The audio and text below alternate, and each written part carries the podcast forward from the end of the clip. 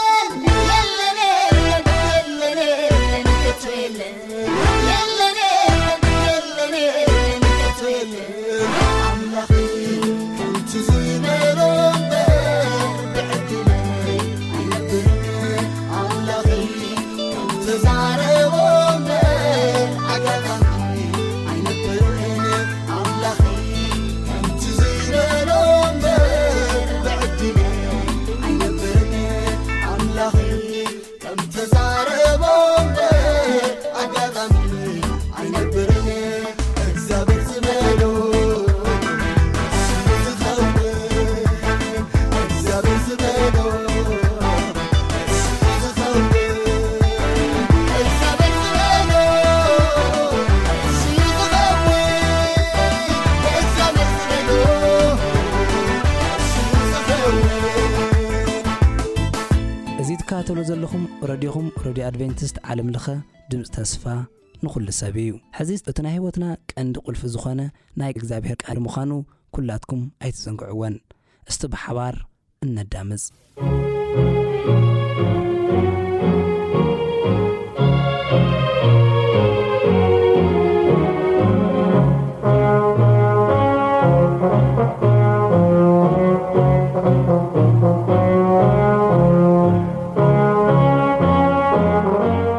ሰላም ኣብ ቦቦቱ ኮንኩም መደባትና እና ተኸታተልኩም ዘለኹም ክቡራት ሰማዕትና እዚ ብዓለምለኸ ኣድቨንስ ሬድዮ ድምፂ ተስፋ ንኩሉ ሰብ እናተዳለወ ዝቐርበልኩም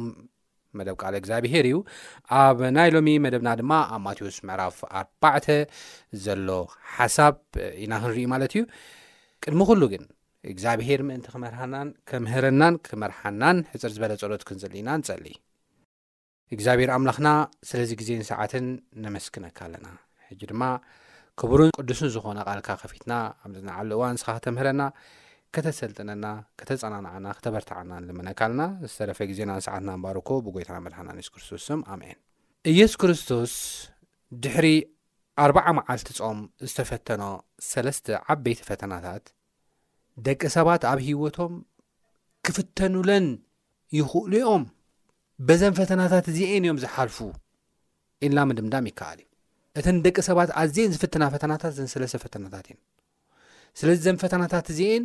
ከነጽንዐን ኣገዳሲ እዩ ዝኸውን ዘሎ ማለት ሎሚ እውን ሰን ኢና ነጽንዐን እታ ቀዳመይቲ ፈተና እንታይ እያ እታ ካልእቲ ፈተና እንታይ እያ ካብዚ ከ እንታይ ንምሃር ዝብል ሓደሓደ ሓሳባት ንምርኣዩ ስለዚ ማቴዎስ ምዕራፍ ኣርባዕተ ዘሎ ሓሳብ መጀመርያ ከንብብ ይደሊ ሽዑ መንፈስ ንየሱስ ብድያብሎስ ክፍተን ናብ በረኻ ኣውፅኦ ኣርብዓ መዓልትን ኣርብዓ ለይትን ምስ ጾመ ድሕርዚ ጠመየ።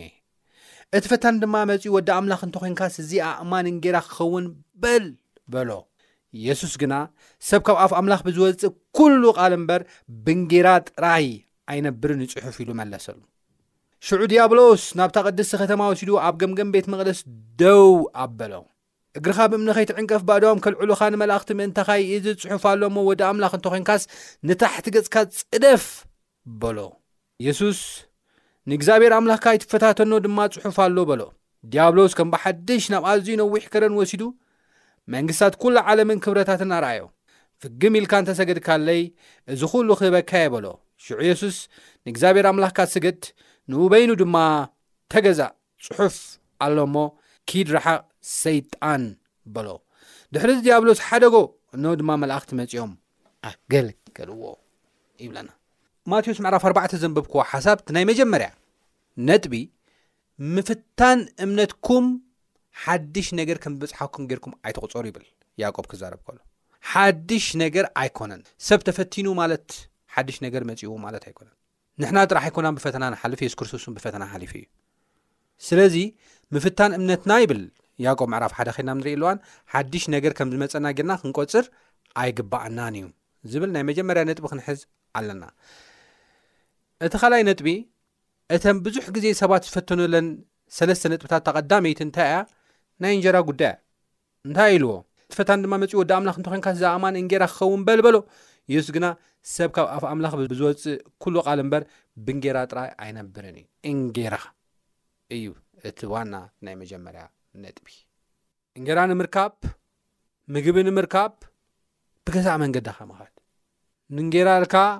ባርያ ምዃን፣ ንእንጌራ ኢልካ ናይ ሰይጣን ቃል ምስማዕ፣ ንምግቢ ኢልካ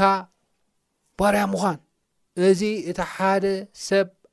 ኣዝዩ ዝፍተነሉ ፈተና እዩ ነገር ግን እግዚኣብሄር ናዒለት እንጌራ ዝህብ ኣፎርድ ዝገብር ዘቕርብ ቀረብ ዝህብ ኣምላኽ ምዃኑ ባዕሉ ይዛረበና እዩ ኣብኡ ኣብቲ ኢየሱስ ክርስቶስ ዘምሃሮም ጸሎት ኣብ ማቴዎስ ምዕራፍ ሽዱሽተ እንታይ እዩ ዝብል ንስኻትኩምሲ ከምዚ ኢልኩም ደኣ ጸልዩ ይብል ማቴዎስ ምዕራፍ ሽዱሽተ ፍቅዲ ትሽዓተ ብዝሓለፈ ርኢናዮ ኢና ኣብ ሰማያት ትነብር ኣቦና ስምካ ይቀደስ መንግስትኻ ትምጻእ ፍቃድካ ከምቲ ኣብ ሰማይ ከምኡ ድማ ኣብ ምድሪ ይኹን ምስ በለ ናይ ዕለት እንጌራና ሎሚ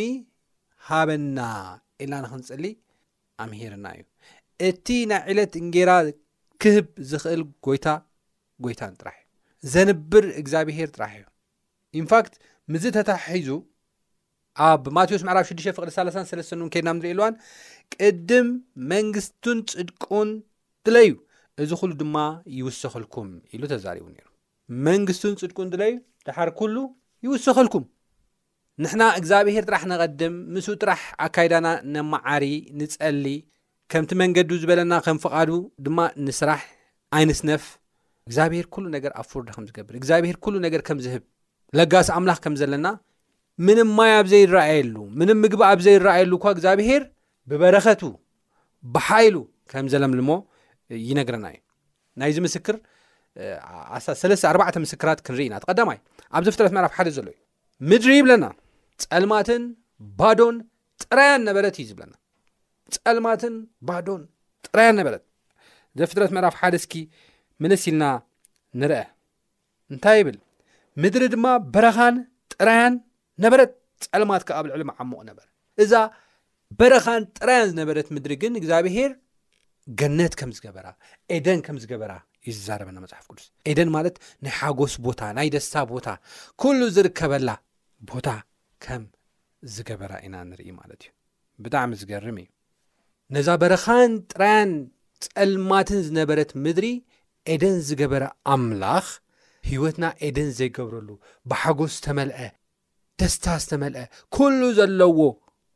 ህይወትና ክገብረሉ ዘይክእል ምንም ነገር ይብሉ ኢንፋክት ኣብ ፈጣጥራና እውን ክንርአ ከለና ሰብ ካብ ሓመድ ምድሪ ገበሮ እዩ ዝብለና ካብ ሓመድ እዩ ሰሪሕና ሓመድ ኢና ኔርና ነገር ግን ሓመድ ዝነበረ ካብ ሓመድ ዝተሰርሐ ናይ ህይወት ስትንፋስ ኡፍ ኢሉ ህይወት ዘለዎ ከም ዝገበሮ ህያው ኮይኑ ድማ ክሰርሕ ዝኽእል ከምልኽ ዝኽእል ክዛርብ ከምህር ዝኽእል መስተንክርን ድንቅን ገይሩ ከም ዝፈጠሮ ወዲ ሰብ ንርኢ ኢና ማለት እዩ መፅሓፍ ቅዱስ ካብዚ ብተወሳኺ ካብዚ ብተወሳኺ ኣብ ዘጸኣት ምዕራፍ ዓሰርተ ሽዱሽተ ከይድና ኣብ ንርእየሉ እዋን እንታይ እዩ ዝብለና? እስራኤላውያን ብኣዝዩ ጽንዕቲ ኢድ እግዚኣብሄር ኣብ ዘሳገረሉ እዋን ብበረኻን ኣራዊትን ተመንን ዕንቅርቢትን ብዘለዎ መንገዲ እግዚኣብሄር ከም ዝመርሖም ኢና ንርኢ ኣብዚ በረኻ እዚ ግን ምንም ማይ ክርከበሉ ኣይክእልን እዩ ምግቢ ክርከበሉ ኣይክእልን እዩ ጸላእቲ ሸፋቱ ክርከብሉ ይኽእሉ እዮም ተመንን ዕንቅርቢትን እግሮም ክጎድእዎም ሰውነቶም ክጎድእዎም ይኽእሉ እዮም ብዝበሃል ስፍራ ዝመርሐ ኣምላኽ ተስፋ ብዘይብሉ ጸምጸም በረኻ ብዝመርሖም ኣምላኽ ነገር ግን ብተኣምሩ ብተኣምሩ ኣብ ዘፀኣት ምዕራፍ 16 እምበኣር ዘርእና ሓደ ተኣምር እንታይ እዩ ምግቢ እዩ ዘጸኣት ምዕራፍ ዓሰርተ ሽዱሽተ ዝነግረና እንታይ ይብል? ኵሎም ኣኼባ ደቂ እስራኤል ድማ ኻብ ኤሊም ነቒሎም ኣብ ምድሪ ግብጺ ምስ ወጹ፣ ካብ ካልኣይቲ ወርሒ ኣብ መበል ዓሰርተ ሓሙሽተ መዓልቲ ኣብ መንጎ ኤሊምን ሲናን ናብ ዘላ በረኻ ሲን መጹ። ኵሎም ኣኼባ ደቂ እስራኤል ድማ ኣብቲ በረኻ ንሙሴን ኣሮንን ኣጕረምረሙሎም። ደቂ እስራኤል ከኣ፣ እቲ ኣብ ጥቓ ቍራዕ ስጋ ኮፍ ኢልና እንጌራ ኽሳዕ እንጸግብ ክንበልዕ ኸለና ብኢድ እግዚኣብሄር ኣብ ምድሪ ግብጺ እንተ እንመውት መን ምሃበና? ንስኻትኩም ነዚ ዅሉ ኣኼባ ብጥሜት ክትቀትሉና ኣብ በረኻ ኣውጸእኩምና በልዎም። በረኻ እዩ ብርግጽ ምግቢ የብሉን ብርግጽ ሽዑ እግዚኣብሄር ንሙሴ በሎ እኖ ካብ ሰማይ እንጌራ ኸዝንበልኩም እየ እቶም ህዝቢ ከዓ ብሕገይ ዝኸዱ እንተኾኑ ወይ እንተዘይኮኑ ምእንቲ ክፍትኖምሲ እናወፁ ነንመዓልቲ ዘድሊ ይእረዩ ክኸውን ድማ እዩ ብሳድሰይቲ መዓልቲ ከዳልዉ ዘምፅዎ እቲ ነንመዓልቲ ዝኣርይዎ ኻዕበቲ ይኹን። ሙሴን ኣሮን ድማ ንዅሎም ደቂ እስራኤል፣ እግዚኣብሄር ካብ ምድሪ ግብጺ ከም ዘውጽኣኩም ምሸት ትፈልጡ ኢኹም በሎም። ብጊሓት ከኣ ኽብሪ እግዚኣብሄር ክትርእዩ ኢኹም፣ እቲ እግዚኣብሄር ምጕርምራምኩም ሰሚዕዎ እዩ እሞ፣ ንኣና እተጕርምርሙልናስ ንሕና እንታይ ኢና በልዎም። ሙሴ ድማ እግዚኣብሄር ምሸት ስጋ ንምብላዕ ብጊሓት ከኣ እንጌራ ንምጽጋብ ንኣኻትኩም ብምሃቡ እዩ ዝኸውን። እግዚኣብሄር እቲ ዘጉረምረምኩምሉ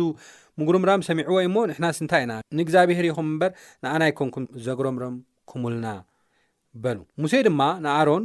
ንኹሉ ኣኼባ ደቂ እስራኤል ምጉርምራምኩም ሰሚዑ እዩ እሞ ኣብ ቅድሚ እግዚኣብሄር ቅረቡ በሎም። ኮነ ኸኣ ኣሮን ንብዘሎ ኣኼባ ደቂ እስራኤል ምስ ተዛረበ፣ ንሳቶም ንበረኻ ገጾም ጠመቱ፣ እንሆ ኸኣ ክብሪ እግዚኣብሄር ብደበና ተራእየ። እግዚኣብሄር ድማ ንሙሴ ከምዚ ኢሉ ተዛረቦ፣ ንምሸቱ ብርኒጎታት ተላዒለን ነቲ ሰፈር ከደንኦ፣ ብጊሓት ድማ ካብ ዙርያ እቲ ሰፈር ዛዕዛዕ ወዲቑ ነበረ። እቲ ዛዕዛዕ ምስ ዘፈፈ ኸኣ፣ እንሆ ካብ ገጽ እቲ በረኻ ገለ ደቂቕ ከቢብ ከም ኣሳሓይታ ከም ዝምድቃቑ ኣብ ምድሪ ነበረ። ደቂ እስራኤል ድማ እዚ ምስ ረኣዩ እንታይ ምዃኑ ኣይፈለጡን እሞ፣ እዚ እንታይ እዩ? ኢሎም ነንሕዶም ተሓታተቱ። ሙሴ ኸኣ፣ እዚ እግዚኣብሄር ክትበልዕዎ ዝሃበኩም እንጌራ እዩ ኢሉ ከም ተዛረቦም ኢና ንርኢ። እግዚኣብሄር ኣብ ጽምጽም በረኻ መና ከም ዝሃቦም፣ ካብ ሰማይ ምግቢ ከም ዘዝነበሎም ይነግረና። ብጣዕሚ ዝገርም ነገር፣ በዚ መልክዕ እዚ ኸኣ ምግቢ ከም ዝበልዑ እዩ ዝዛረበና ማለት እዩ ካብዚ ብተወሳኺ ኣብ ቀዳማይ ነገስት ምዕራፍ 17 ከዓ ከይና ንሪእየሉ እዋን ድማ ተመሳሳሊ ሓሳብ ኢና ንርኢ እንታይ ይብል ኤልያስ ኣብ ዝነበረሉ ዘመን ጥሜት ከም ዝኾነ እዩ ዝዛረበና ማለት እዩ ድሓር ኤልዛቤል በቲ ንኤልያስ ተባሮ በቲ ከዓ ጥሜት ነይሩ ድሓር ተንስ እሞ ናብ ሰራብታ ናብ ሲዶና ኪድ ኣብኣ ተቐመጥ እነዋብኣ ሓንቲ መበለት ሰበይቲ ክትምግበካ ኣዚ ዘለኹ ዝብል ቃል እግዚኣብሄር መጾ ይብለና። ጥሜት ኣብ ዝኾነሉ እዋን ኤልያስ ዝብላዕ ዝስተ፣ ዘብልዕ ዝድግፍ መዘግዒ ኣብ ዘይነበረሉ እዋን እግዚኣብሄር ግን ንሓንቲ ሰራብታ ሰበይቲ ኣብ ሰራብታ ትነብር ዝነበረት ሰበይቲ ንኽትምግቦ ንኽትቅልቦ ከም ዝኣዘዘሉ ይዛረበና። ብጣዕሚ ዝገርም ነገር እዩ ተንስኡ ከዓ ናብ ሰራብታ ከደ ካብ ዝገርመኩም ናብ ደገታ ከተማ ምስ መፀ ድማ እንሆ ዕንጨይቲ እትዓር መበለት ሰበይቲ ኣብኡ ነበረት ይብለና እታ ብእግዚኣብሄር እተኣዘዘት ሰበይቲ ከዓ ምናልባት ሕጂ ምናልባት ሃፍታም እያ ኢልና ክንሓስብ ንኽእል ንኸውን ነገር ግን እታ ዕንጨይቲ ተኣሪ ዝነበረት ሰበይቲ እትበልዖ ምግቢ እኳ ዘይነበራ፣ ንሳን ወዳን ሓንቲ ምግቢ በሊዖም ወይ ድራር ወይ ምሳሕ በሊዖም ክሞቱ ዝጸባበዩ ዝነበሩ ሰበይቲ እያ። ኤላስ ጸዊዑ እንታይ ኢልዋ፣ በጃኺ ዝስተ ሒደት ማይ በቓሓ ጌር ክምጽለይ በላ፣ ክተምጽእ ኢላ ምስ ከደት ከኣ በጃኺ ኣብ ኢድኪ ቁራስ እንጌራ ተማልእለይ ኢሉ ጸዋዓ፣ ንሳ ከኣ ህያው እግዚኣብሔር ኣምላኽካ እዩ ኢለ ብጀካ ሽልግት ሓርጭ ኣብ ዕትሮ ሒደት ዘይቲ ኸኣ ኣብ መቐር ሰሚቶ፣ እንጌራስ የብለይን፣ እንዮኸ ኸኣ ኽልተ ዕንጨይቲ ኣኣሪ ኣሎኹ፣ ኣትየ ድማ ንኣይን ንወደይን ክስንክቶ እሞ በሊዕናስ ክንመውት ኢና፣ በለት።